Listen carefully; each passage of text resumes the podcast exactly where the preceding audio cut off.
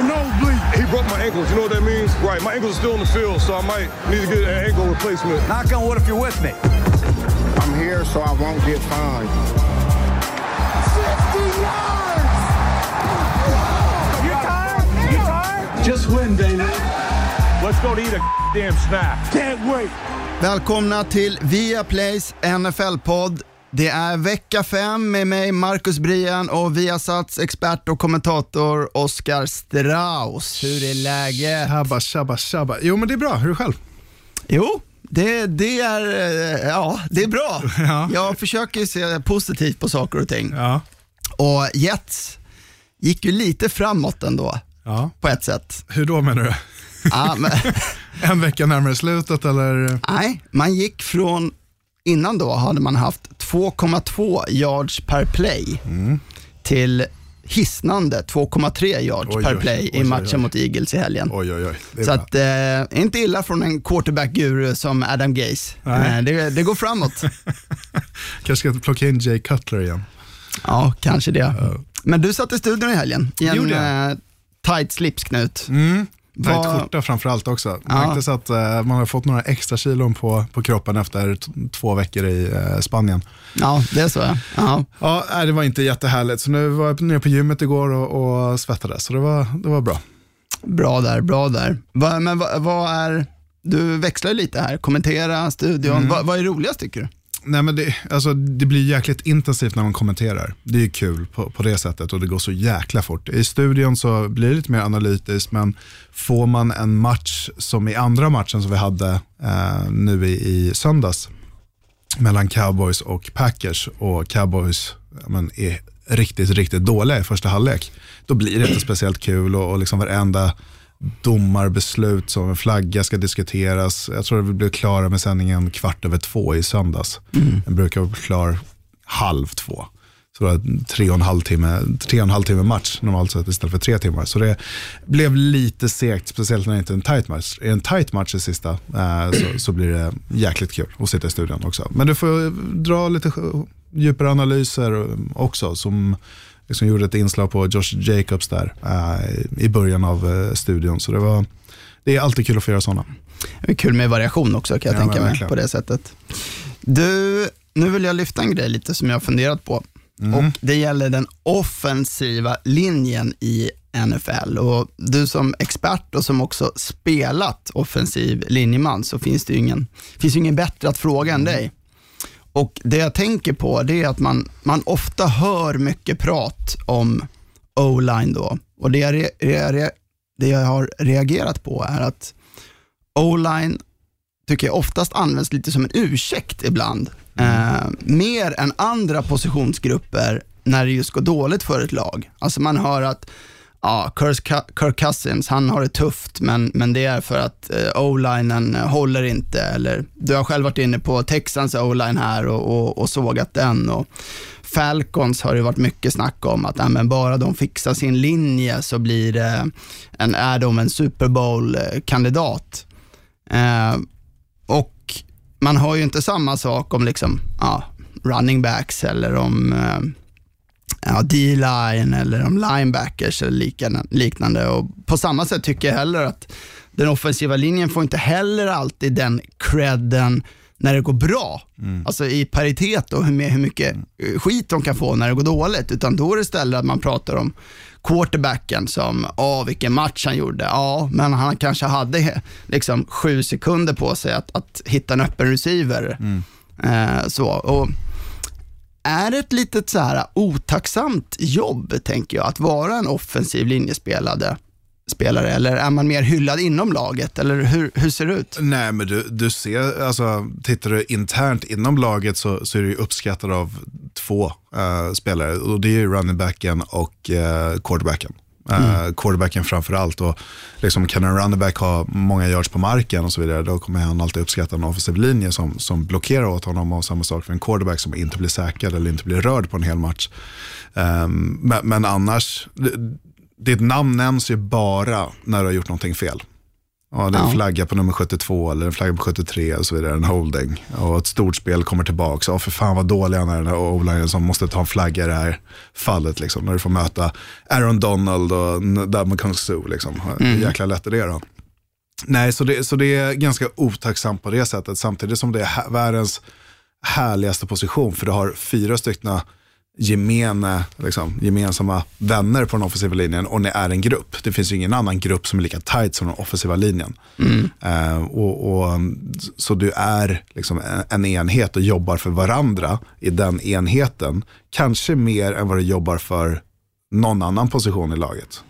Och där brukar man ju höra också just det här att ah, o-line, vi gör allt tillsammans. Mm. Man sitter alltid ihop och man går ut och käkar middag och man är alltid tillsammans. Men hur mycket, hur mycket stör det där då om det blir skador på, på den offensiva linjen? Att ah, men nu måste vi byta, man kanske måste byta positioner inom linjen. Mm. Det kommer in en, kanske två, ibland tre nya spelare. Ja, men men det, det, det stör, det gör det. Du, du spelar ihop det som en grupp och, och till sist, liksom någon vecka in i säsongen när du, när du har spelat det ihop, så vet du exakt hur din, din, din guard, eller din tackle, din center, hur de spelar och, och liksom, om det kommer en, en switch eller liksom de gör ett, ett eh, move på D-line, att man tar över varandra, alltså en D-tackle går på utsidan och en DN går på insidan, så, så, så ska man ju antingen om man spelar zoner i, i passblockeringen så bumpar man av varandra och plockar upp den andra spelaren som kommer över. Alternativt så spelar man man och liksom hänger med sin spelare. Och, och där får man ju känslan av sin, sin offensiva linjekollega. Eh, hur man ska blockera och liksom man pratar om det och man, eh, man, liksom, man, man får en känsla för varandra hur man spelar, vart de finns hela tiden. Så det är någonting som handlar om personkemi och, och hela den biten. Och att man kan lita på den andra spelaren också. Eh, det är det stora, att du inte måste vara där med en hand och hjälpa till. För jag vet att liksom, min center, han klarar av det här. Det, det, så jag behöver inte vara där och pilla på honom så jag kan fokusera 100% på min kille som jag ska blockera. Så det, om de orosmomenten försvinner så blir det väldigt mycket lättare. Men hur är det om det, det finns den här misstron då? då? Är det då man kan se också i, i match menar du att, att ja, men man, man missar en, liksom en free rusher eller liknande när, när man kanske inte har det samspelet riktigt eller? Ja, men det kan ju vara liksom att vi, vi vet, eller vi har ju hört det, quarterbacks, liksom, de kallar ut Mike Linebacker och så vidare. Mike Linebacker. Men sen så är det center, bara, nej nej, jag vill ha den där som Mike Linebacker, alltså den andra spelaren. Och, och då säger man Mike Linebacker, då, det är ju fem stycken offensiva linjemän som ska blockera fem spelare generellt sett. Om man inte spelar liksom, slide protection och liknande, så man eh, spelar zoner. Ehm, eller blockerar zoner. Så, så Centern är ju den som liksom dirigerar och säger vem som är vem.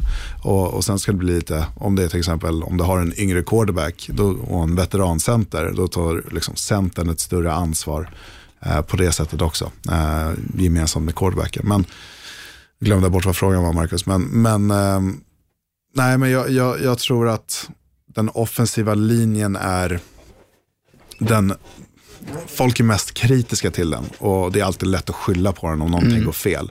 Samtidigt som att, nej, går det bra, men då har det varit ett stort spel till en receiver och en fantastisk passning eller någonting. Men som du säger, ja, du har haft sju sekunder på dig att kasta den här bollen. Det kanske är på grund av att du har en fantastisk offensiv linje. Men vad, är skillnaden där då på de olika positionerna på den offensiva linjen? Du nämnde center här, så nu har vi ju left tackle, right tackle och, och left guard och right guard. Vad är skillnaden däremellan? Eh, nej men storleksmässigt och atletism skulle jag säga generellt sett. Så, så om det börjar hos centern så är ofta centern den minsta av, av de fem.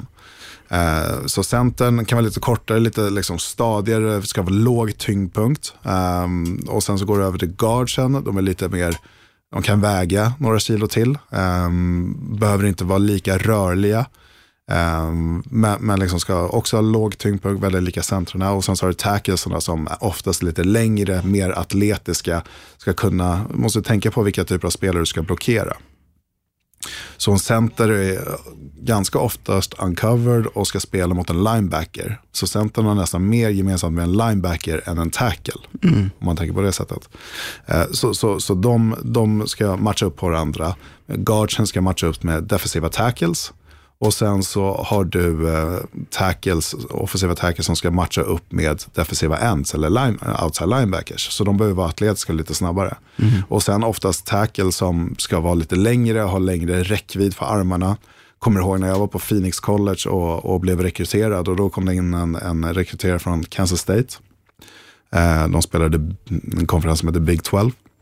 Och då tittade jag på mig, jag, var, jag är 6'4, eh, så 193-94 centimeter var då, man, när man stod på tå, när man mätte sig, som alla andra gör. eh, och då, ehm, då tittade han på mig och sa, ah, men liksom, du, har, du är stor nog, jag ser att du är snabb nog på filmen som jag har sett, men du, du är en inch för kort. För att spela tackle i Big 12 så måste du vara 6'5. Du måste, Det är vara, hårt, alltså. ja, men du måste vara 195 cm lång. Eh, det, det funkar inte. Eh, du kommer aldrig kunna spela den här positionen. Så du kanske kan svida om till eh, liksom, guard. Och jag har aldrig spelat guard i hela mitt liv. Jag har alltid spelat tackle.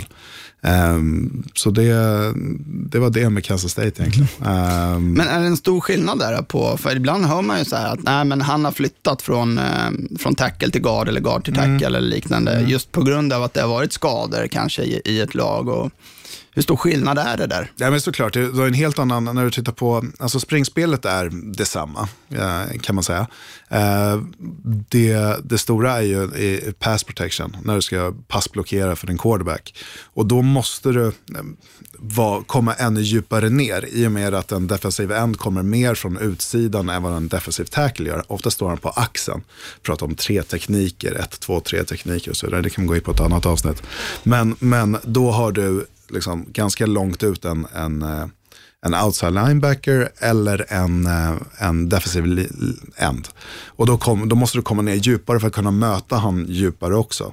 Så du ser oftast tackles som var långt ner i banan som, som kuben kan när, de, när man säger att kuben steppar upp i fickan. Då är det för att tackles är långt bak tillsammans med defensiva end som blockerar dem. Då kan han eh, gå upp i fickan och, och hitta lite mer tid där. Eller gå ut på insidan av, eh, av offensiva tackles också. Just. Hur förbereder man sig där? Om, om man som, som tackle då ska möta, vet att man ska möta en, en JJ Watt exempelvis, eller en Aaron Donald, eller något. förbereder man sig på något speciellt sätt när man vet att oj, här, här, här kan bli en tuff match? Ja, men det, det gör man ju. Man kollar enormt mycket film. Eh, Man får scouting-rapporter. Man vet att JJ Watt har kanske tre, tre liksom signature moves som han kommer ut med. Han kör ju sitt, eh, sitt swim move och, och, och eh, rip move, liksom klubban över armarna. Eh, Så man kanske, man, man kollar enormt mycket film på, och stilstudier på de här spelarna. Sen så är det, liksom, skulle jag säga JJ Watt framför mig, då så ja, men såklart man tänker en extra gång. Liksom. Eh, och det kommer, det mer man tänker, eh, desto svårare kommer det bli också. Utan det är bara att spela den fotbollen du spelar i NFL för en, liksom, för en anledning. Det är bara att göra det du är bäst på. Nu, nu, kommer jag, nu minns jag bara ett, ett avsnitt från Hard Knocks när de följde Atlanta Falcons, när de hade deras, han är väl left tackle, Matthews va? Jake Matthews. Jake Matthews, Jake ja. Matthews, eh, när de var på och körde, skulle de köra en sån här scrimmage under försäsongen Mm. mot just Houston och han fick möta just JJ Watt. Mm. Och liksom, han kom från college och bara oj, här var liksom, här var några Mm. nivåer till. Men så möter du en eh, två meters, eh, 130 kilos eh, defensiv end. Men, eh, så, såklart man tänker att den här killen, han har, tog sax-rekordet förra året, just det året då.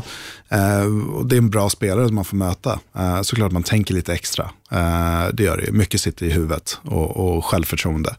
Eh, och sen så handlar det mycket om aggressivitet. Att, visa, liksom, alltså, att visa att jag är bättre än dig. Och det liksom, kan vara liksom, tjuvnyp eller det kan vara liksom, att man börjar bråka på en träning eller någonting. Liksom, men visa att man är där för att starta och, och liksom vinna den här bataljen. För det är liksom 70 stycken snaps, 60-70 stycken snaps varje match som du kommer gå upp mot den här killen. Eller ett par killar. Och liksom, det är bataljer en mot en varenda gång. Det är ett krig på, på linjen varje gång. Och det är det som är så härligt med att spela offensiv linje. Hur viktig är då egentligen den, den offensiva linjen för att ett lag ska bli framgångsrikt i, Ja, i allt. NFL? Allt. Ehm, titta, på, titta på Giants för några år sedan när de hade, liksom, det, de hade så bra running backs, de hade så bra eh, receivers, bra tight end och så vidare, bra defense. Men de hade ingen offensiv linje. Han spenderade så mycket pengar på liksom, alla skillpositioner. Men den offensiva linjen skit.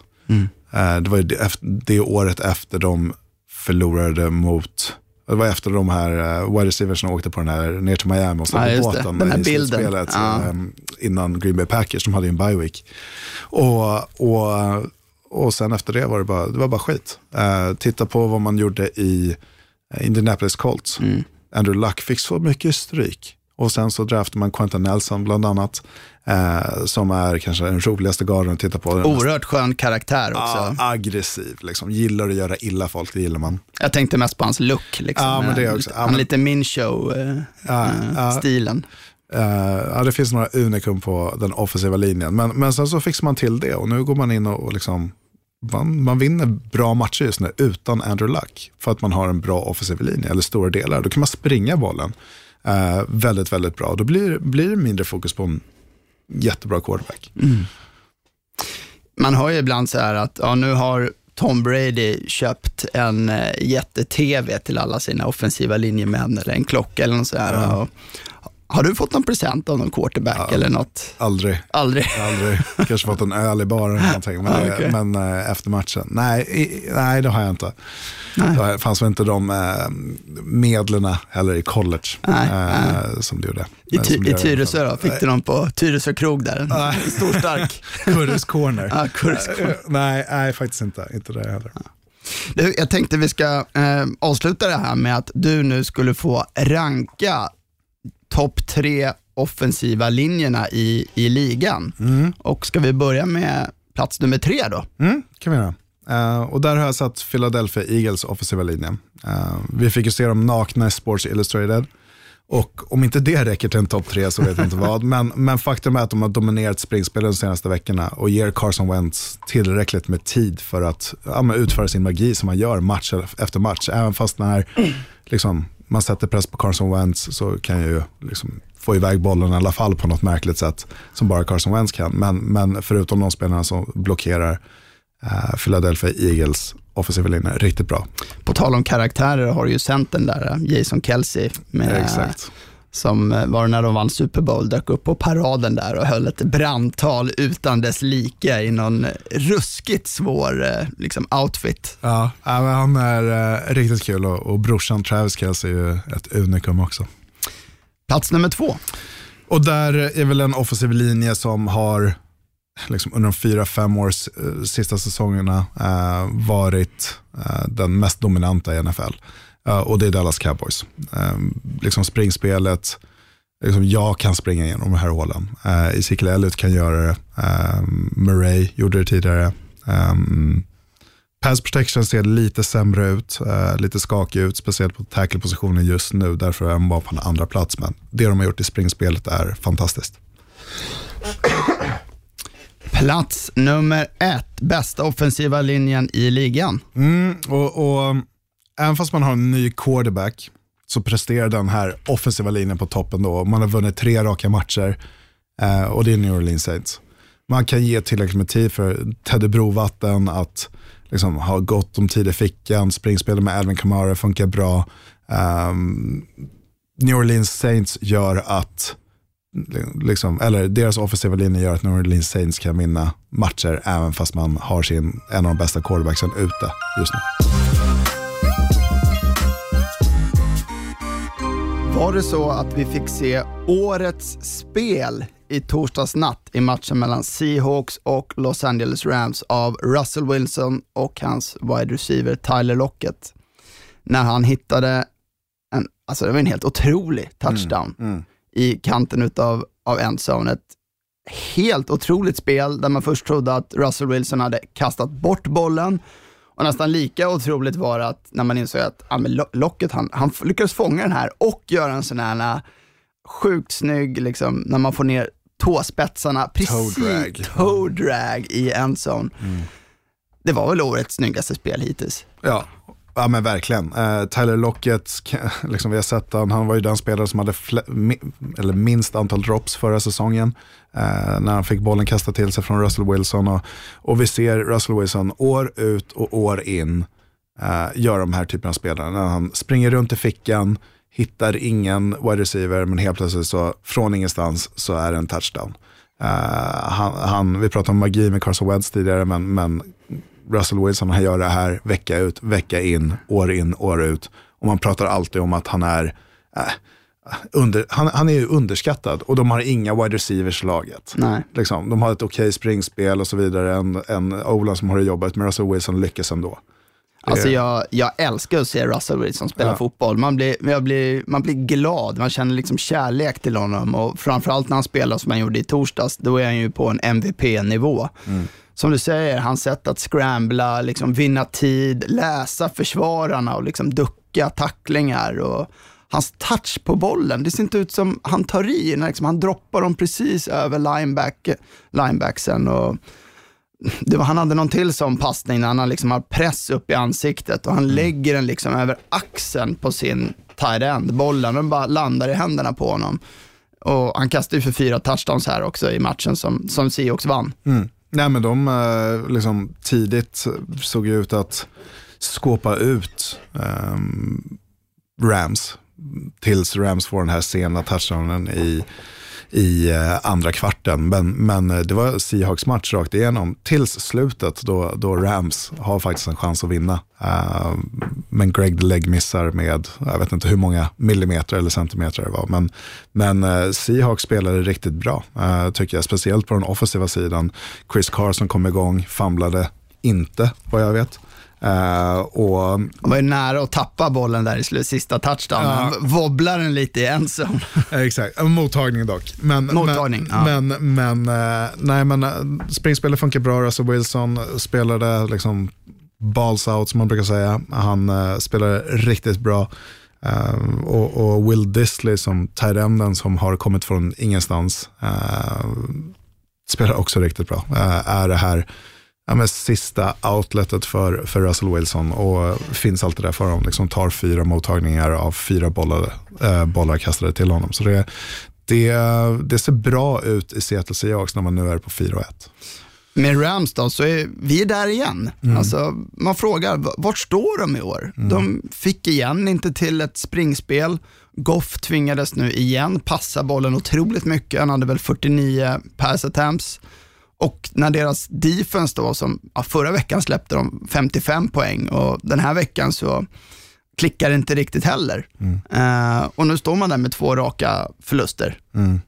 Ja, men det, det är väl lite panikkänsla i eh, LA Rams just nu skulle jag säga. Att, att eh, förlora snöpligt på det här sättet, man är ändå med i den här matchen, kan vinna matchen. Eh, Greg, Greg Sörline som har gjort det där så många gånger förut, ett avgörande uh, field goal. Och det är kanske det som skiljer det här året från förra året när man tog sig till Super Bowl. Eh, att inte, liksom, det, det är en jäkla skillnad att vara på 4-1 och 3-2 och det är bara en liten spark som skiljer. Uh, Defenset ser ju inte, har man släppt upp 80, ja, vad blir det, 85 poäng på två veckor här nu, då är det ju någonting som inte är helt bra ändå i sitt defense. Uh, tycker att defensiva backarna presterar inte speciellt bra. Jag tycker att um, Aaron Donald, ja, han har det jobbigt kan man ju säga minst sagt. Han, um, även fast han spelar bra, men han är ju dubbelt uh, blockerad eller trippelt blockerad ibland också. Det, det, han är ju den uh, punkten, så då kommer det bli en mot en. Och då där saknar man Nadam Kung Su. Man gör det, att liksom, när Aaron Donald blir double-teamad, ja, men då har du en mot en med en annan väldigt bra D-tackle. Vi fick se Sue göra liksom, väldigt bra matcher i slutet av förra säsongen i slutspelet. Eh, för att mycket fokus var på just Aaron Donald. Så, men här saknar man lite det. Um, och speciellt nu när Clay Matthews går ut och bryter käken eh, så, så blir det ju extra jobbigt eh, på den defensiva linjen slash outside lineback. Jag vill lyfta lite eh, Jared Goff här också. Och, eh, vi har pratat om det lite tidigare, men jag har tagit fram lite siffror på det här. Och tittar man då på hans senaste 12 matcher, då, även slutet på förra säsongen, inklusive slutspelet och, och början här, så har han alltså 13 touchdowns, men 14 interceptions och 12 fumbles. Och tittar man då de 12 matcherna innan det, så hade han 27 tou- touchdowns, alltså me- mer än en dubbling och bara 6 picks och 6 fumbles. Och det här sammanfaller ju nästan lite när de här problemen för, för Todd Gurley började eh, under slutet av, av förra säsongen. Och det kanske visar igen då hur viktig han är och, och var för, för eh, Los Angeles Rams. Ja men verkligen. Um, jag, jag, tycker, liksom, har man ett springspel så underlättar ju det. Så, jag sa det senast här också, liksom, har man ett springspel så blir det inte samma fokus på att liksom, de kommer passa bollen 50 gånger per match. Eh, och, och Passar man bollen 50 gånger per match, då behöver det vara en speciell QB för att få fram 50 bollar. Nu får man inte ens fram 30 av de här 50. Så det är, han är under en pass rating på 100 igen. Uh, så det, nej, jag, jag, eh, jag gillar Jared Goff. Jag har honom i en av mina fantasyligor för jag tror att det, liksom, det finns någonting där och ett roligt offense och så vidare. Bra wide receivers. Eh, men, men Jared Goff, nej, det, eh, jag vet inte vad man skulle göra annars. Liksom. Det, det, alternativen finns ju inte, utan det, det är ju Jared Goff som kommer starta där. Men man behöver få igång någonting och, och framförallt springspelet. Man draftade en, ändå en running back i tredje rundan också. Ja, men om, inte, om inte Todd Gurley funkar, ja, men använd honom. Uh, Malcolm Brown har det också, men, men, men springspelet funkar inte. Jag vet inte. Det kan vara en offensiva linje också. Uh, Andrew, Andrew Whitworth som är left tackle där, han har haft lite jobbigt i början av säsongen. Den här matchen släpper man inte upp några sacks dock. Så det är mot en väldigt bra defensiv linje. Så det eh, nej, jag skulle vilja se någonting och det blir inte lättare nu. Upp till bevis då nä, äh, nästkommande helg mm. när man möter då alltså divisionsrivalen 49ers som har fått en flygande start mm. på året. Så där gäller det ju verkligen en en liten eh, must win-match kan man nästan säga för, för Rams. Men gå in och bevisa sig, för liksom, nu, nu, nu har du chansen att, att, ta ner en av de obesegrade lagen i ligan. Nu eh, kommer det många ögon på er.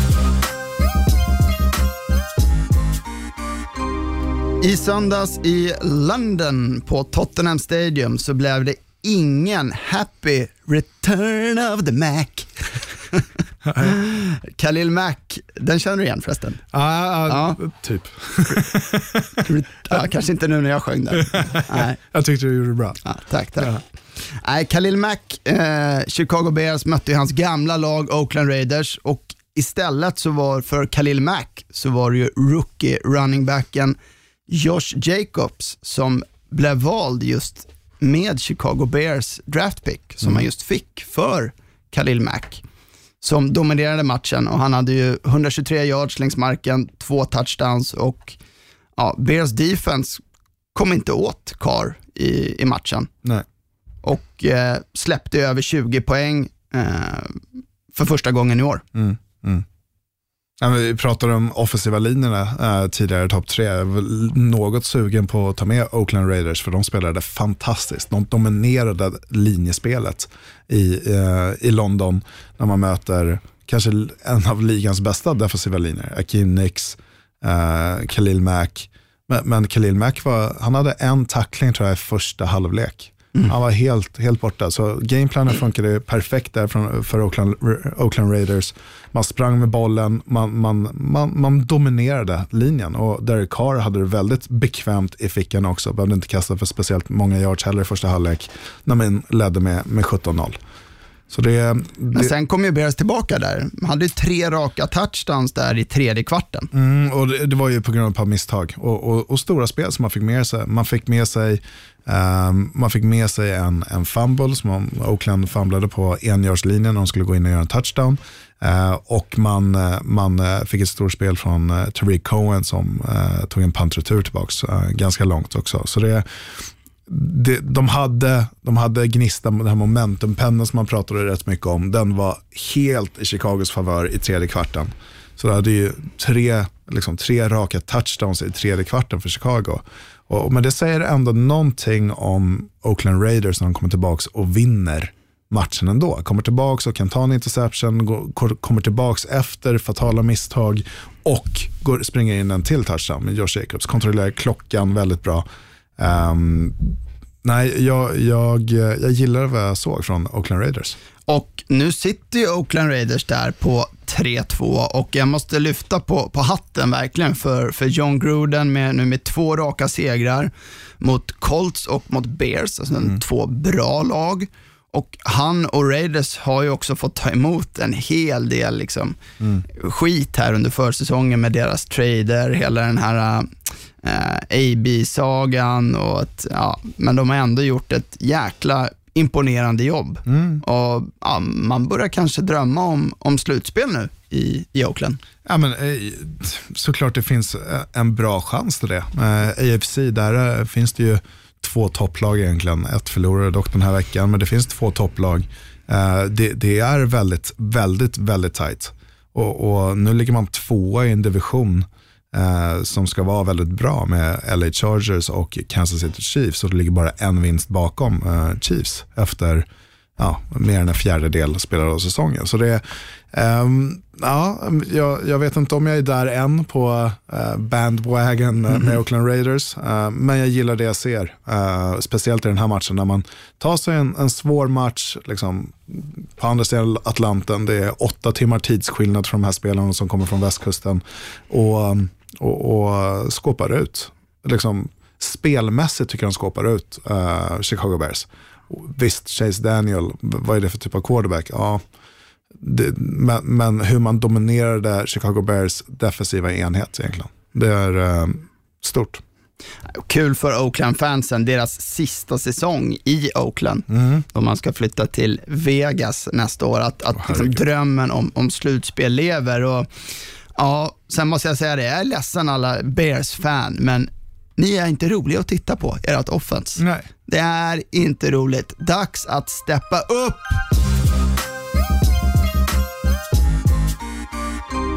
Veckans andra match ni kunde följa i NFL-studion var ju klassikermötet mellan Dallas Cowboys och Green Bay Packers. Och börjar bli en vana det här när Packers igen gasade från början, tog ledningen med 14-0 i första kvarten, drygade ut sen till hela 24-0 innan Dallas kom på tavlan först i tredje kvarten med, med ett field goal. Och ja, det blev ju alldeles spännande den här matchen med Green Bay som leddes av Aaron Jones längs marken som hade fyra touchdowns och även deras defense som plockade in tre picks från, från Dak Prescott. Ja, och jag blir orolig när jag ser Dallas Cowboys, hur de liksom plockar yards, plockar yards, plockar yards. Men sen när det kommer till de här viktiga spelen så är Dak Prescott inte där. Alltså han har 463 yards i den här matchen mm. och, och det såg bedrövligt ut.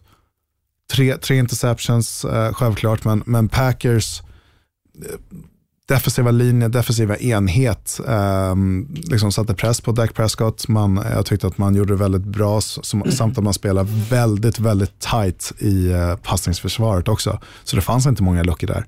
Eh, så de blev betydligt mycket bättre än veckan innan mot, mot, eh, ehm, mot Eagles som man förlorade när man släppte upp väldigt många rushing yards. Här möter man ligans kanske bästa offensiva linje när det kommer till springspelet och en av ligans bästa running backs också. Och jag tror Ezekiel Elliott hade, ja men självklart man, man ligger under med 21 på, eller 24 poäng. Man kommer inte springa med bollen speciellt mycket. Eh, men, men, han har, jag tror han 13 yards i andra halvlek. Mm. Eh, 62 yards totalt för Ezekiel Elliott. Och det, det, de fick matchen precis där de ville. Så Matt LaFleur, eh, som man kanske har kritiserat lite mycket, ehm, han tillsammans med Aaron Rodgers, det här utförde de perfekt när man åkte ner, åkte ner till till eh, Dallas och eh, vann den matchen med enkelhet. Liksom, siffrorna 34-24 speglar inte matchbilden alls. Men Dallas här då, de var ju 3-0 eh, och det snackades om det nya Dallas med offensiva koordinator Keelan Moore som höjdes till skyarna.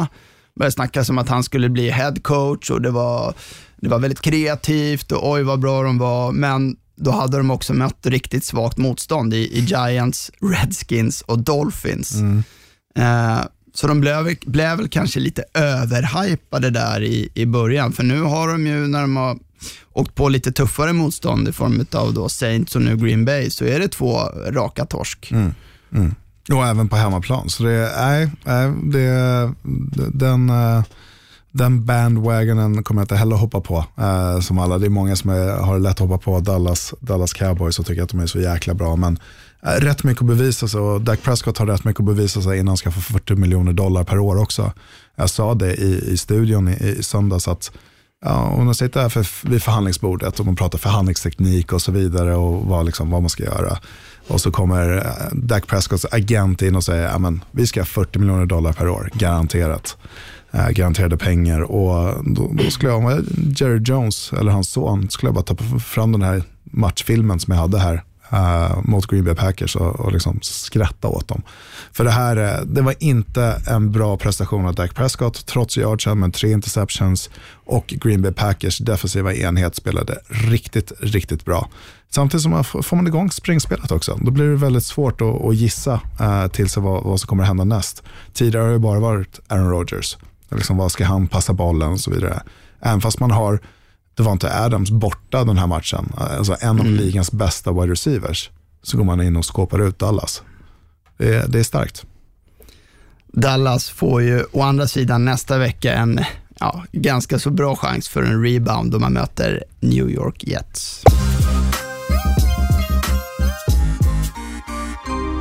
Veckans poängfest höll till i Houston där hemmalaget då slog upp 53 poäng mot ja, jag säger nu, ligans största besvikelse i Atlanta Falcons. Mm. Som mäktade med 32 poäng och kasserade in sin fjärde förlust på försäsongen. Men om vi börjar med, med Houstons sida här så hade ju Deshaun Watson en sån dag där han, han ser så jäkla bra ut. Mm. Han kastade för fem touchdowns, 426 yards, varav då hela 217 av dem och tre touchdowns till Kyle Fuller.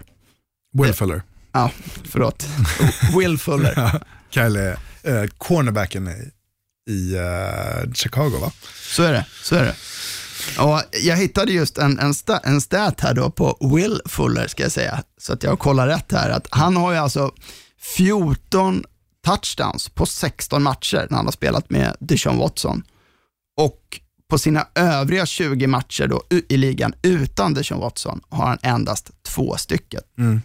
Ganska givet att vi har en viss kemi här, de emellan. Ja, men så är det. Och, och Will Fuller har ju, han varje år, jag tänker alltid på honom så här, när man står där och ska drafta fantasy. Uh, så tänker jag så här, men Will Fuller, ja, men vad, vad förväntar man Will Fuller? Ja, men han kommer ha ett par, tre veckor där han liksom är lights out. Där han har två, tre liksom, touchdowns och, och har 200 yards. Och sen så kan han vara borta i några matcher, för då liksom, du har en annan hyfsad wide receiver i laget också i eh, DeAndre Hopkins. Men eh, så, så, då kan han vara borta, men sen så kommer han tillbaka och ha sådana här monstermatcher, likt denna, när eh, Deshaun Watson hittar fram till honom för 217 yards. Lite Deshaun Jackson-känsla där på ja, honom. Ja, men verkligen. verkligen. Vi har just fått, också fått en fråga kopplat till Eh, till DeAndre Hopkins från Magnus Larsson som undrar lite, vad, vad har han tagit vägen? Ja. Eh, dominant och kanske ligans bästa receiver i fjol. Mm. Och eh, han tycker att han har varit frånvarande stora delar i år och hur bra är, är Texans då som, som kanske vinner trots det? Mm. Ja, men kolla på vapnen de har. Alltså, och, och, då Kenny Still som inte spelar den här matchen på grund av lårskada, men, men Will Fuller, uh, Kiki Kuti, uh, du har liksom en bra running back i Carlos Hyde och även Duke Johnson. Um, du, du, det är ett fulladdat offensiv, en offensiv enhet som är så jäkla bra. Och, och, och ska jag plocka bort någon av de här och liksom spela man på, på resterande, ja, men då är det ju uh, DeAndre Hopkins. Han är ligans bästa wide receiver fortfarande tycker jag. Och, och självklart liksom, ja, den här matchen 88 yards, det är väl en okej okay match för många wide receivers i ligan. Ja. Men, men, eh, men, eh, nej, men han har, han, man har inte fått se lika mycket på eh, statistikraden, men det är för att man tar bort honom ur ekvationen egentligen. Det är ju det varje defense har haft som liksom, mål, att DeAndre Hopkins ska inte ha stora matcher, för då blir det väldigt lätt för Houston Texas att vinna. Till Falcons sida då, så som jag sa, för min del är de årets flopp mm. i, i NFL och här släpper man till 592 yards, vilket mm. är det mesta man har släppt till på 17 år.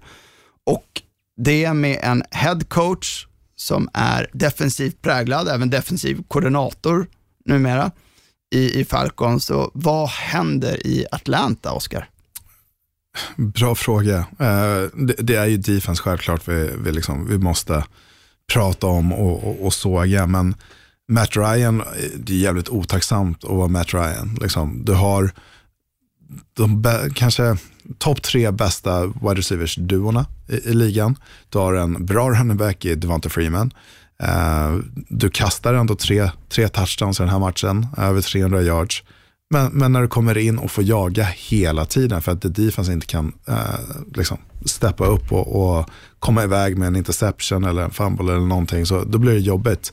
Ehm, liksom, jag sågade Houston Texans o-line coach här för några veckor sedan. Ehm, de har noll sacks eh, mot sig, Houston, i den här matchen. Atlanta Falcons kan inte röra Deshaun Watson. Ehm, och, och när, ett lag på det sättet inte kan få ett stopp och Atlanta Falcons måste gå in och veta, ja men den här driven, nu måste vi göra en touchdown igen. Vi måste göra touchdowns, annars kan inte vi vinna matcher. Vi måste göra touchdowns på varje gång vi har bollen, annars kan inte vi vinna matcher. Det är med ganska stor press. Rätt tufft. Rätt tufft. Ehm, och, och, nej, det, det, det är självklart defense som måste, måste hända någonting. För när du inte kan stoppa, liksom, du hade Colts för några veckor sedan som torskade mot, liksom, här är Houston Texans, ska vara på samma nivå igen, egentligen. Eh, liksom, om man tittar på, ja, men på pappret så, så ska det vara här en väldigt liksom, jämn match. Men det blev aldrig så jämnt, eh, utan Houston Texans körde över dem både offensivt och defensivt. Alexander Johansson undrar om säsongen är över nu för Falcons och om det är dags att, att byta tränare. Och undrar, ska man tanka för ett bra pick i draften nu när man har börjat så extremt dåligt? Nej, men det tycker jag inte. Eh, liksom man, man draftade två stycken offensiva linjemän i första rundan. Eh, det tar ett tag att, att få ihop den gruppen och det är två offensiva linjemän som man trodde på. Eh, jag tror att ge det lite tid. Uh, nu fick man lite jobbiga skador på, på defense här också. Uh, drog av en hälsena på safetyn där. Um, jag vet inte om det är coachbyte som man måste göra. Liksom, Är det inte dags för det? Det har inte hänt mycket i Atlanta sedan deras eh, Super Bowl-tank där mot eh, Nej. Patriots. Nej, nej men så är det. det. Det kanske är dags för ett coachbyte. Uh, liksom, du har investerat rätt mycket i det här laget. Um, Men ha- har du en head coach som är även defensiv koordinator och man släpper upp så här mycket poäng. Och jag tänker också, alltså NFL går ju me- mer och mer åt, det är en offensiv liga. Då vill man kanske ha in en offensiv head coach, en offensiv kraft, någon som kan tillföra något nytt. För som du säger, playmakers finns det ju gott om i, i Falcons.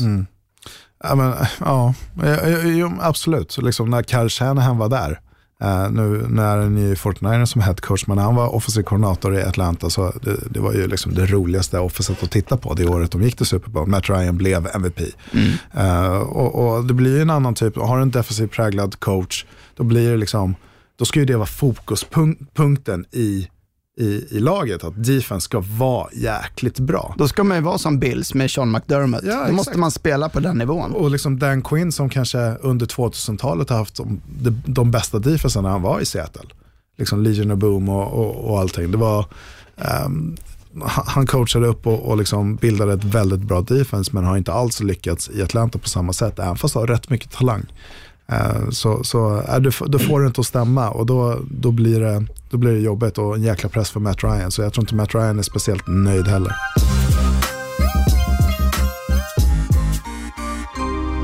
Var det Battle of the Top Rookie Quarterbacks man såg i matchen mellan Carolina Panthers och Jacksonville Jaguars när Kyle Allen tog sin tredje raka seger för sitt Panthers mot Gardner Minshews Jaguars. Och det är väl de två rookiesarna nästan som imponerat mest.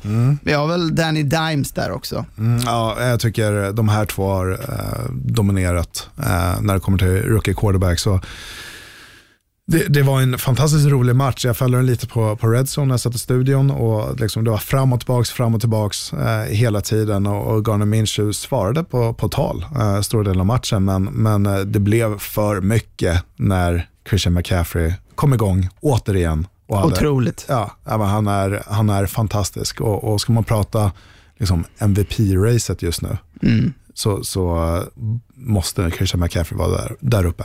Ja, alltså det finns ju ingen spelare i ligan som, som inte spelar quarterback som är viktigare för sitt lag än Christian McCaffrey. Alltså han, han, han bar ju laget här på sina axlar med ja, tre touchdowns och som du säger, en till MVP-insats. Mm.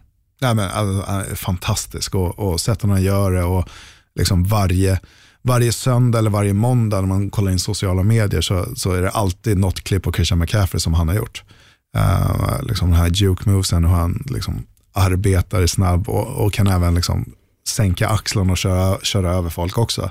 Ehm, det, han är MVP just nu. Det, han spelar så enormt bra och gör så att Carolina har tre vinster hittills. Alltså Kyle Allen, om man tittar på statistikraden, det, det är inget speciellt. Det är 181 gör så en touchdown, en kort passning till, till just eh, CMC.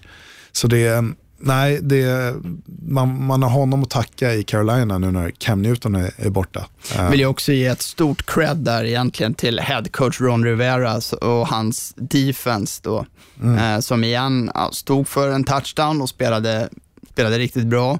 Och Ron Rivera kändes ju nästan som att ja, det låg en doja i luften där när de började 0-2, Cam Newton gick ner, men han har tänt till hela laget och sitt defense och nu är de 3-2. Mm, mm. Ja men får, eller tre stycken liksom, turnovers, inte interception från Gardner Minshew som man förväntar sig av en rookie quarterback, utan tre stycken fumbles från just Minshew.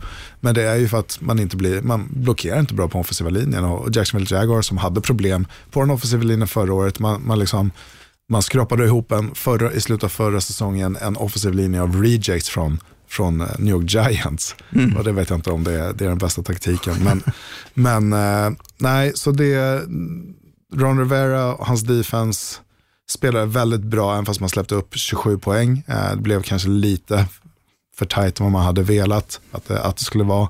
Uh, tog ju faktiskt, det stod 27-28 uh, långt in i en fjärde kvarten tills Bonafon kunde springa in en lång touchdown.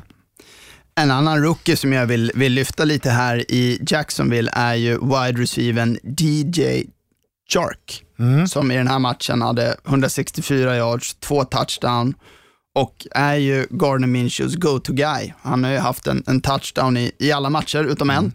Mm. Och han känns som en stjärna som håller på att formas där. Kan man ha hittat något i, i Jacksonville? Alla förväntade sig att det var D.D. Westbrook som skulle vara den här stjärnan i Jacksonville Jaguars. Och DJ Shark, Eh, den tredje, eh, har ju spelat enormt bra hittills den här säsongen. Och liksom, man vet vem som är favoriten hos Gardner Minshew. Och redan i, i första kvarten när man gjorde sin första touchdown eh, hittade honom på ett passningsmönster, korsande passningsmönster, springer ifrån sin, sin cornerback. Eh, så eh, kunde man hitta honom för en touchdown. Så det, nej, han, han spelar väldigt bra. Jag vet inte hur många touchdowns han har hittills den här säsongen, men det borde väl vara en sju stycken eller så. Jag tror att han har fem. Är det fem bara? Mm. Ja, det känns som fler. Mm. DD och DJ, en farlig kombination på wide receivers mm. annars i, i Jacksonville. Och jag sa ju förut just kring Gardner Minshew att det var hans Jaguars och det är väl hans Jaguars nu. Ja men det är det, det tycker jag. Även om, om Nick Foles kommer tillbaka från nyckelbensskadan eh, så, så jag tror det blir svårt att flytta på Gardner Minshew. Är han en franchise quarterback? Ja, jag tror det. Jag, jag, jag tror faktiskt det. Eh, långsiktigt. Har du hittat en kille liksom, som ska vara ansiktet utåt för Jacksonville Jaguars som har varit ganska platt de senaste åren, har inte haft någon, liksom, haft tunga år med Blake Bortles. Eh, jag tror man hittar någonting här. Jag, jag, tror faktiskt det. Och, och även fast man gav rätt mycket pengar till Nick Foles, jag tror det blir svårt att flytta på honom eh, när, man, när han kommer tillbaka. Eh, man är visserligen 2-3 just nu, men eh, på sättet de har vunnit de här två matcherna och även sättet de har förlorat de här matcherna också så, så kan jag ju knappast skylla det på Gardner München. Det blir spännande att följa.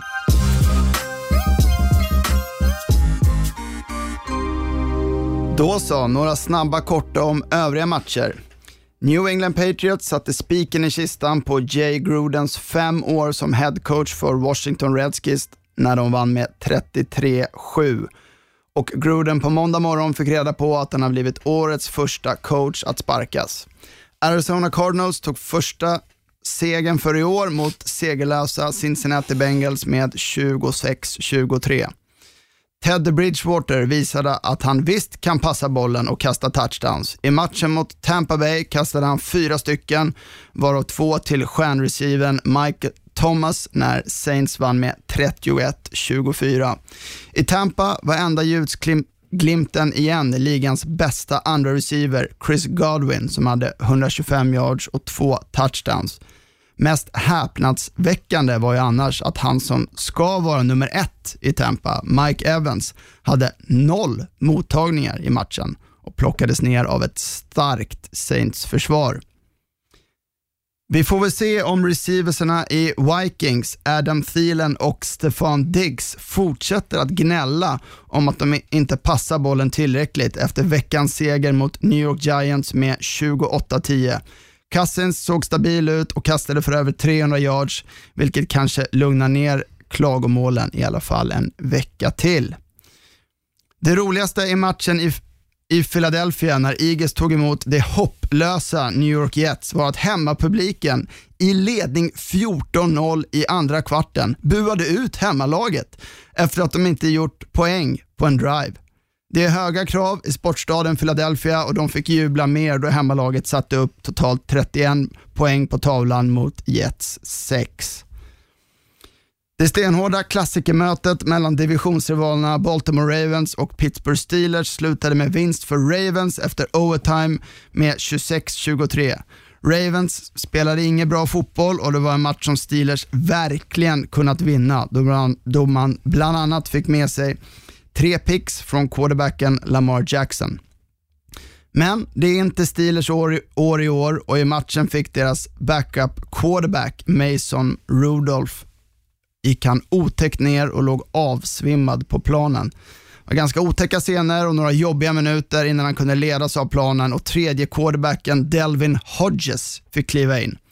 I förlängningen, när man hade läge att vinna, så slås bollen ur nävarna från Juju Smith-Schuster och Mr Clutch, kicken Justin Tucker, avgjorde med ett field goal. Mr No Clutch den här veckan var ju Tennessee Titans kicker Cairo Santos som missade hela fyra field goals i matchen mot Buffalo Bills. Missarna blev kostsamma då Bills vann med 14-7 och deras defense igen dominerade. Santos fick ju sedan sparken. Äntligen fick Denver Broncos årets första seger när man slog Los Angeles Chargers med 2013. Laget där prestationspendeln svingar hårdast från vecka till vecka i NFL är hos Cleveland Browns. De blev på Monday Night Football överkörda av på nyttfödda San Francisco 49ers som vann med 31-3. Baker Mayfield såg ut som Luke Falk och kastade två picks och fick endast hem 8 av 22 passningar för futtiga 100 yards. San Francisco är nu enda obesegrade laget i NFC och imponerar med i min mening ligans bästa offensiva hjärna och playcaller Kyle Shanahan som headcoach. Laget har ett starkt och kreativt springspel och deras defense den här matchen ledd av rook rookien Nick Bosa spelar grymt. Omgångens och kanske årets skräll hittills i NFL stod Indianapolis Colts för när man i Kansas City besegrade de dittills obesegrade Chiefs med 19-13. För första gången i Patrick Mahomes karriär hölls han till under 26 poäng i en match trots att han sin vana trogen ändå kastade för över 300 yards. Colts kontrollerade klockan med långa drives, effektivt springspel och hade också ett disciplinerat försvar. Den såg man inte komma. Eller vad säger du Oskar? Nej, det, det, var det nog inte många som gjorde, men, men, tittar, men, men titta på vad en offensiv linje kan göra för det som en helhet. Uh, pratade om det lite innan, men, men den offensiva linjen liksom dominerade Chiefs uh, försvar och sprang på tredje och fjärde down och Chiefs kunde inte göra någonting. Uh, Marlon Mack hade en fantastisk match. Uh, det, de, de såg överlägsna ut i springspelet och, och, och, det blir jäkligt jobbigt. Liksom. Är det här så man knäcker Kansas City-nöten? Mm. Liksom springa, springa på dem, kontrollera klockan. För det längre, uh, eller det, det, det, mer sällan Patrick Mahomes är på, på planen så kommer man ju självklart kunna vinna matcher och då blir det inte den här man vill inte ge Patrick Mahomes bollen för då, då, då blir det ju långa touchdowns och så vidare. Men kan du spela disciplinerat försvar, inte dra på dig en massa flaggor, um, och, och visserligen en turnover i den här matchen, fick bara en med sig också, så ehm, um, de har en chans att vinna. Och Kansas City som har över 100, eller 125 yards i penalties den här veckan också.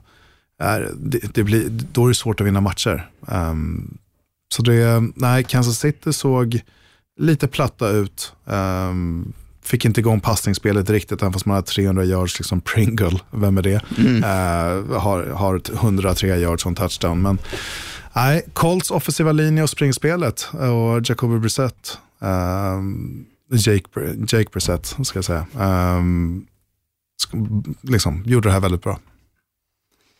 En annan sak vi, vi måste plocka upp här är väl eh, det att eh, head coach eh, Jay Gruden då fick, fick sparken mm.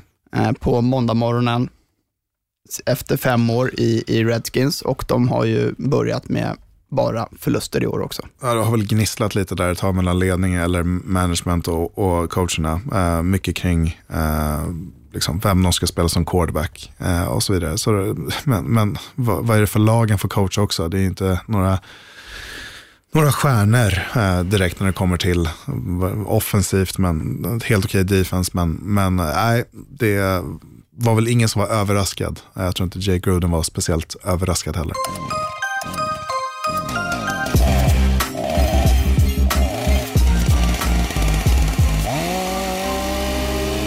Då så Oskar, favoritsegmentet för, för din del är här igen och eh, motorsågen är igång. Mm. Take it away. Mm. Du ska få vara med Marcus. Du ska få spela ja. ett litet spel med mig. Okej. Okay. Om, eh, om jag säger knack knack. Vem där?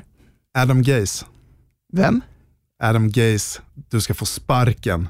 För alla spelare i ditt lag har slutat spela för dig liksom, sanningen är, är att inte ens Miami Dolphins är så här platta just nu. Och, och Jets spelar helt utan energi. Men liksom, vad, vad hade man förväntat sig? När man plockar in en headcoach från divisionsrivalen som har ett facit på 23 och 25 som headcoach och är nu 0-4 i Jets. Man betalar bra pengar för både Le'Veon Bell och CJ Mosley. CJ Mosley har inte spelat sedan vecka ett. Uh, men, men är fortfarande liksom i toppen på um, turnover-listan och så vidare. Han är, han, det, är, det är en bra sign i CJ Mosley. Men vad får man för de här pengarna då? 178 passade yards per match. Man får 83 sprungna yards per match. Och man får tre, alltså tre offensiva touchdowns. Tre styckna. Det har lika många på defense just nu. 45 poäng totalt efter fyra veckor. Det är bedrövligt. Men utöver den här fantastiska statistiken så ser det riktigt uppgivet ut. Men liksom, sure, vad kan du förvänta dig när du har en, liksom, en quarterback med en pusssjukdom som småtjejer får när de åker på konfirmationsresa till Malta och istället får starta en quarterback som ser ut som ett rådjur liksom, under center. Uh, Jets organisation ser själva i spegeln, ta ett djupt andetag och gå till den där fina ekdörren i slutet på korridoren. Knack, knack. Vem där? Adam Gaze. Vem? Adam Gaze, du får sparken. We got a game ball.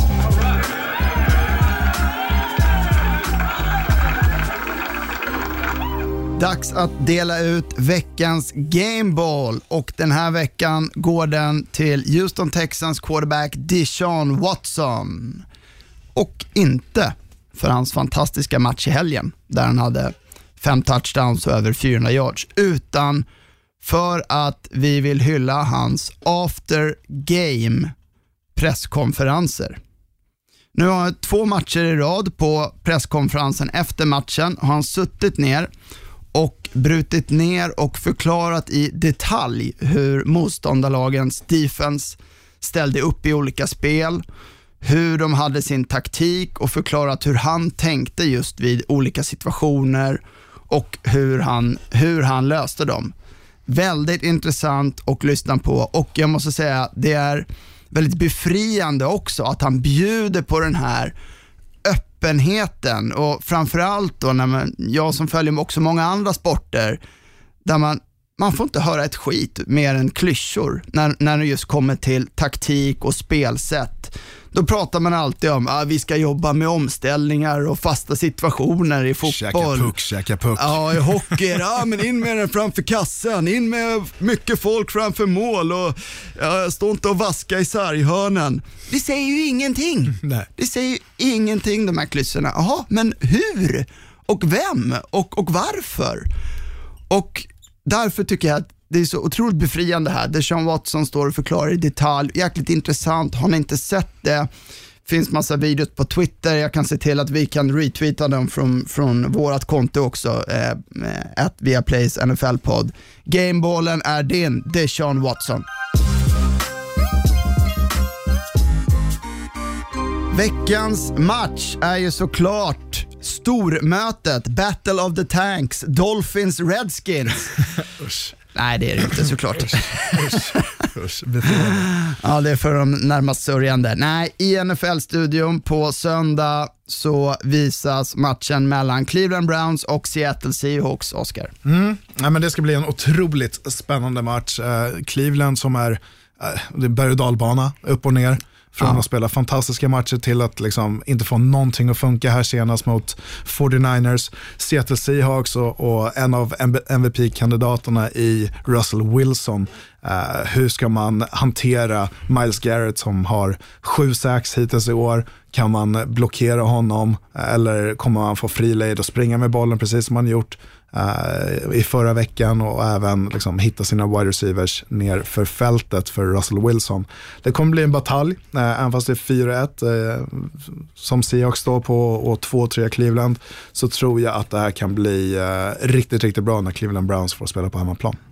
Det är som du säger, man vet ju inte vilket Browns får man se här egentligen. Eh, Det skiljer sig så otroligt mycket från, från vecka till vecka. Medan Seahawks då känns ju mycket stabilare och som jag sa förut, det är alltid en fröjd att sitta och titta på Russell Wilson spela quarterback. Ja, men man vet lite vad man får när man, när man tittar på eh, Seahawks och, och liksom, även det kommer, liksom, det kommer sticka upp några roliga spel från, från Russell Wilson och, och något bra defensivt stopp. Cleveland Browns, du har ingen jäkla aning. Det kan, du har liksom de fan, kanske de mest fantastiska wide receiversna i ligan, i Jarvis Landry och, och och Odell Beckham Jr. Eh, Men eh, jaha, eh, det, det ska bli spännande hur Baker Mayfield kommer tillbaka efter 100 passade yards förra veckan. Många tappade bollar från sina wide receivers. Hur kan de liksom gruppera om och, och få möta ett tufft Seattle, Seattle Seahawks på hemmaplan? Du kommer kommentera matchen Oscar, kommer jag göra. så att det är bara att lyssna in och titta in på söndag, start 18.30 på Viaplay eller på TV3 Sport. So, you know, for now, we're gonna have to cut you. Cut you. Cut you. Cut you. Cut, cut you. Då var det dags för oss att säga hej då till ett lag, att katta ett lag då som vi säger inte kommer gå till slutspel i år. Det är ju som så att varje vecka så tar vi bort minst ett lag, så vi inför sista veckan ska ha då ett eh, förhoppningsvis fulländat slutspelsträd. Och vi har ju tidigare tagit bort eh, Miami Dolphins, Giants, Redskins, Broncos och Bengals. Och den här veckan är det dags att säga hej då till mitt kära New York Jets. Det tar emot, men det går inte att göra något annat efter helgens. Alltså det var en bedrövlig match att titta på. Det gjorde, det gjorde ont i mig när man såg hur, hur dåligt det var. New York Jets, ni har krossat mitt hjärta igen. Den här säsongen, det har varit den tuffaste hittills utav många tidigare miserabla säsonger. Just för att ni byggde upp förhoppningar och förväntningar med alla bra signings och man såg, ja ah, men det var bra draft picks och nu kommer en ny coach in och, och jag sa det innan, det enda jag hade hoppats på var att vi i år i alla fall skulle spela meningsfulla matcher efter Thanksgiving. Att det betydde någonting. Men nu är det över. Nu är det över. Och i söndags, som jag sa, det gjorde så ont att se hur dåligt det var. Och det, det är fortfarande så sjukt jävla mycket Jets att vi åker på körtelfeber när säsongen precis ska börja på vår quarterback. Ah, det är så otroligt. Alltså, det kommer bli segrar med, med Sam Darnold, men det gör ju ont att det är säsongen redan över och de går inte till slutspel i år. Jag, just nu sitter jag här och saknar tiden med Mark Sa- Chan- Sanchez och Rex Ryan. Det trodde man aldrig. Ja, det var tider det. Det var tider det. Oj, oj, oj. Bart Scott, can't wait! Can't wait. Innan vi avslutar tänkte jag att vi ska plocka upp några frågor här som har också kommit in via Twitter och det är Malte Helsing undrar hur vi tror NFC North kommer att sluta. En av de hetaste divisionerna där samtliga lag har mer vinster än förluster. Jag kan börja vad, vad jag tror. Jag sa ju innan säsongen att jag trodde på Minnesota Vikings i, i Super Bowl, så jag, får, jag står, står fast vid det. Jag tror att Vikings vinner divisionen. De har all talang i laget och de har erfarenheten i, i truppen. Får de putsa till vissa delar tror jag att de vinner. Och, och jag trodde kanske inte att Vikings skulle gå till Super Bowl, men jag tror att de eh, skulle vinna divisionen. Och tämligen enkelt. Och, och tittar man på, liksom det är ett eh, getingbo eh, fortfarande här nu med eh, Packers leder självklart med 4-1, men Vikings 3-2, Bears 3-2, Lions 2-1-1. Eh, det kan bli tight, men jag står också fast vid, vid Vikings, och jag tror på Vikings. Uh, gör jag i, i in the long haul. Sen har jag blivit lite småkär i, i Detroit Lions faktiskt, deras inledning på säsongen, men det återstår att se. Sonny Näslund undrar om Mike Tomlin kommer att få gå efter säsongen. Vad tror du Oskar? tror jag inte. Han signade ett, eh, ett, en contract extension eh, här i somras eh, som kommer vara till slutet av eh, 2021-säsongen. Eh, så, så jag tror inte han får gå. Eh, de har ett väldigt bra defense eh, som man kan eh, jobba på. Sen så har man ju inte haft liksom, turen med sig när det kommer till quarterback-spelet. Eh, liksom, Big Ben som blir skadad. Du har inte samma edge längre med eh, Le'Veon Bell borta eller Antonio Brown borta också. Så det, det kommer komma nya spelare. I, eh, det här blir ett, ett eh, ombyggnadsår.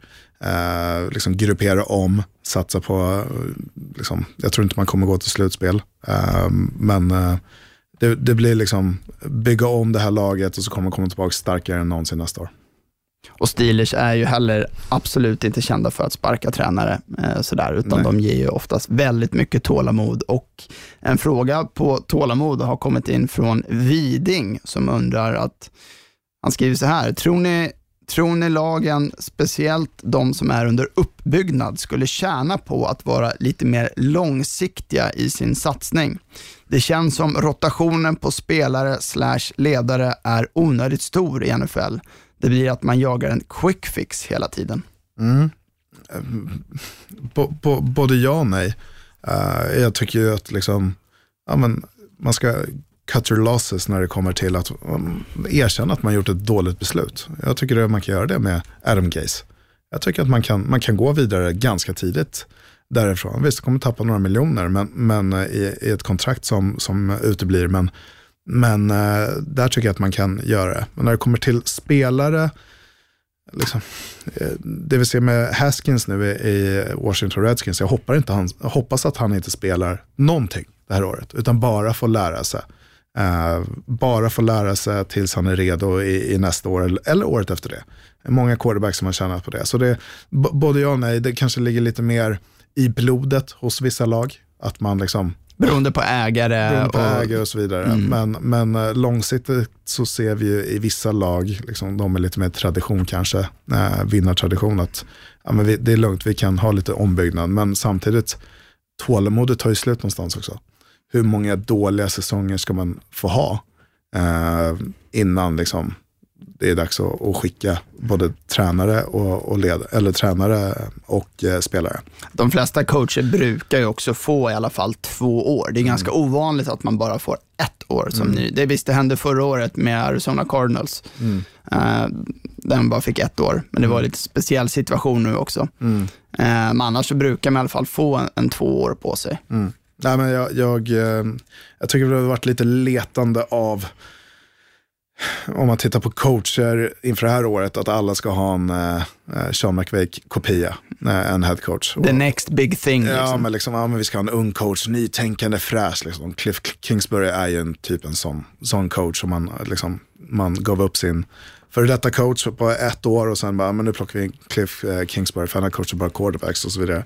Ehm, ja, jag vet inte, liksom, man kanske jagar den här drömmen lite för mycket, eh, men specie speciellt i vissa, vissa föreningar. Då så, that's it för den här veckan. Stort tack till alla er för att ni har lyssnat. Gå gärna in och lägg en kommentar och ratea och prenumerera på våran podcast. Kom också gärna med frågor, feedback till oss eh, via Twitter på att Viaplays NFL-podd. Vi säger over and out. Marcus Brian och Oskar Strauss, ha det gott! tjena. They can't stop a nosebleed. He broke my ankles. You know what that means? Right. My ankles are still in the field, so I might need to get an ankle replacement. Knock on wood if you're with me. I'm here so I won't get fined. 60 yards! You tired? You tired? Just win, baby. Let's go to eat a damn snack. Can't wait. produceras av I Like Radio. I Like Radio.